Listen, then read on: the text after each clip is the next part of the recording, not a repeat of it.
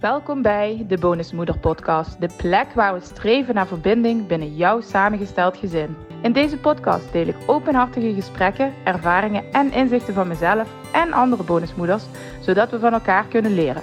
Dus blijf luisteren en ontdek hoe je jouw positie kunt versterken als powervrouw en bonusmoeder. Welkom bij de podcast. We gaan het hebben over bonusmoeder zijn en de relatie tot je geluk en alle fouten die ik daar onder andere in heb gemaakt en waar ik jou hopelijk voor kan behoeden. En ik neem je als allereerste even mee naar mijn allereerste buitenlandervaring in Santorini. Ik heb daar in een hotel gewerkt als stagiaire en um, ik ben totaal ingeburgerd geweest in de Griekse cultuur. Ik werkte met Griekse mensen om me heen en er waren verder ook niet heel erg veel westerse medewerkers op het eiland. Dus ik heb heel veel meegekregen van de Griekse cultuur. En waar ik vooral op gefocust was, een andere cultuur dan de Nederlandse cultuur. Als kind zijnde wilde ik altijd avonturier worden. Dus dit was mijn eerste mogelijkheid om hier gehoor aan te geven. Op avontuur naar Santorini. In mijn eentje, oftewel alleen. Nou, en wat ik daar heb besloten is dat ik in het buitenland wil wonen, uiteindelijk. Want ik merkte dat de zon, de cultuur, de gastvrijheid van de mensen, ja, dat was anders dan thuis. En het, eigenlijk beviel me dat ontzettend goed. Maar na zes maanden was mijn stage afgelopen en moest ik terug voor de rest van mijn opleiding. En ik merkte ook dat het qua werkgelegenheid niet heel erg denderend was in Griekenland. Dus ik besloot om naar huis te gaan, flink te gaan studeren en later, wanneer ik groot ben, weer terug te komen in Griekenland. Inmiddels zijn we 15 jaar en heel wat reisjes die er achteraan zijn gekomen verder. En het terugkeren voor vast naar Griekenland, dat zit er inmiddels niet meer in. Maar dit was wel het begin van het hebben van de moed om mijn dromen na te gaan en om een droom te mogen vormen. Want als er één factor is die ervoor zorgt dat jij ongelukkig blijft of wordt, dan is het wel dat je je eigen dromen of doelen niet meer kunt, wilt of mag nastreven. Dus voor al onze gepassioneerde bonusmoeders out there, een droom of een doel dat jij kunt nastreven zorgt ervoor dat jij je weer lekker kunt gaan voelen. Ongeacht wat die droom of doel ook is. dat is voor iedereen natuurlijk anders. En met een droom of doel is het ook makkelijker om aanwijzingen die passen bij jouw doel, of kansen die voorbij komen en bij jouw doel passen, te kunnen grijpen. Want zonder richting in je leven weet jij niet welke kansen wel of niet bijdragen aan je visie, je doel of je droom. Nou, en we zijn inmiddels bijna 15 jaar verder uh, na mijn eerste buitenlandreis en mijn doel is nog steeds niet veranderd. Alleen het pad er naartoe is veranderd. Ik heb inmiddels mijn partner leren kennen in, in mijn geboortedorp, notabene. Nooit iemand die dat ooit had verwacht, dat ik met een Nederlander samen zou komen. Ehm, ik had mijn partner ook nog nooit eerder ontmoet in het dorp. Dus het is, ja, grote toeval, noem het maar zo. Ehm, dus ja, inmiddels wonen wij al vier jaar samen in mijn geboortedorp met zijn kinderen en inmiddels ook ons biologisch zoontje Ira.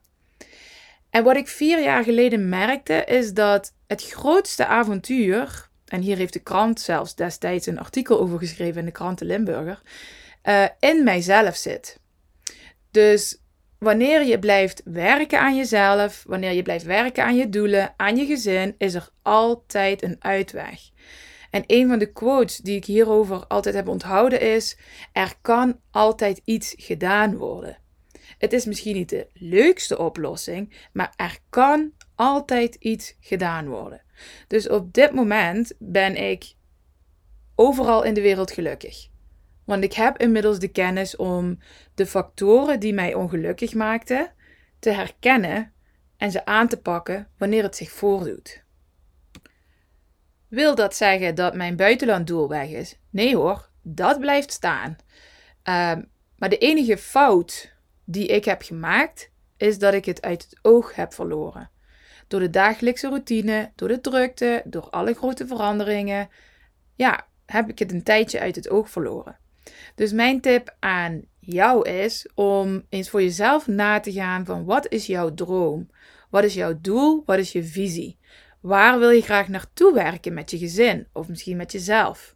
En probeer daarbij niet te veel in problemen te denken. Want dat gebeurt namelijk vaak. Het stemmetje ja maar.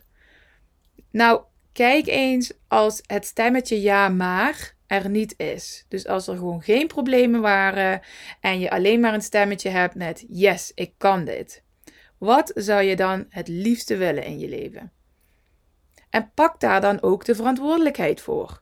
Hoe ga je daar komen? Wat is haalbaar?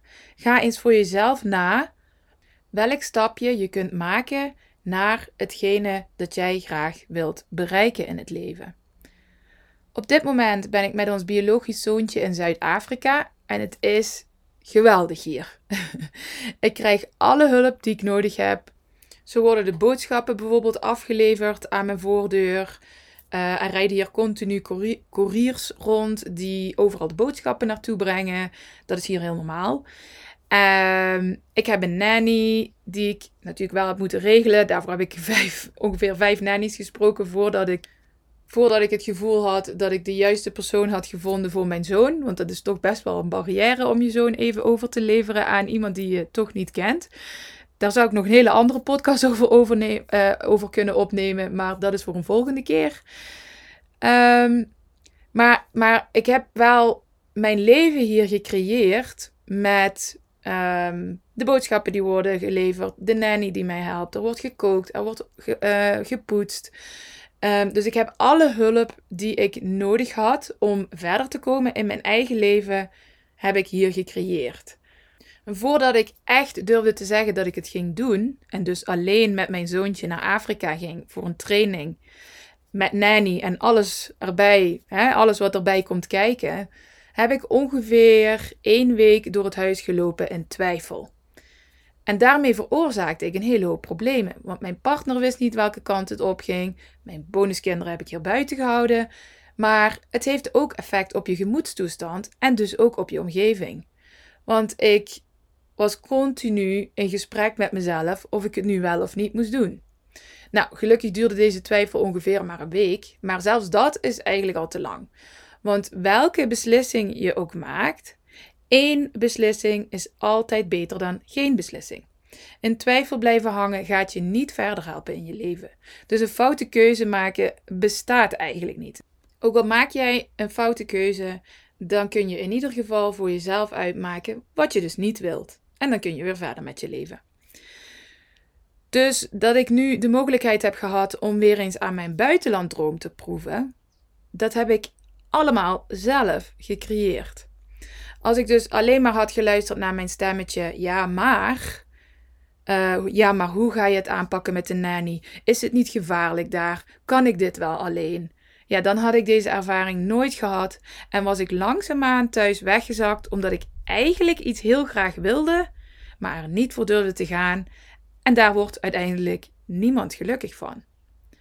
Dus wat je doel ook is, jij kunt dit ook. Maak de beslissing voor jezelf dat je het gaat doen en ga er dan voor. Is het de foute beslissing, dan is er altijd een weg terug. En ik praat hier misschien redelijk makkelijk over, maar ik probeer altijd naar het grotere plaatje te kijken. Dus Stel je hebt een huis gekocht samen, het was de foute beslissing.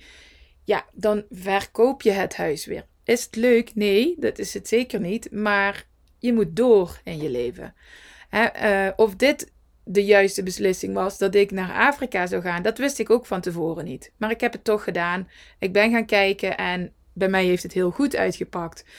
Maar het had ook kunnen zijn dat het niet goed had uitgepakt. En dat ik hè, niet gelukkig was geweest of het was allemaal niet gelukt.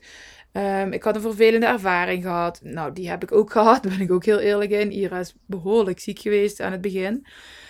Maar toch doorgezet om te kijken van, oké, kan ik het hier zelf oplossen of moet ik toch terug naar huis? Nou, uiteindelijk is dus de beslissing gevallen op, om te blijven. En dat is de juiste keuze geweest.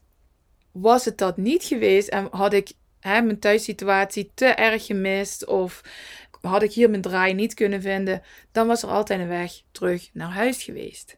En tuurlijk zijn er moeilijke momenten geweest. En tuurlijk zijn er momenten geweest waarop dat ik heb gedacht van moet ik niet naar huis. En dat ik mijn gezin miste en mijn familie miste. Maar Ik had het grotere plaatje voor ogen en ik wist als ik terug naar huis ga, dan word ik weer heel snel meegezogen in de alledaagse dingen.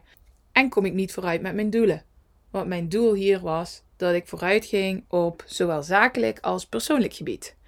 Dus toch doorgezet, ondanks alle barrières. Hè, vooral nanny was een behoorlijk dingetje. Um, ik vond het bijzonder spannend om mijn zoon over te laten aan mensen die ik eigenlijk niet ken.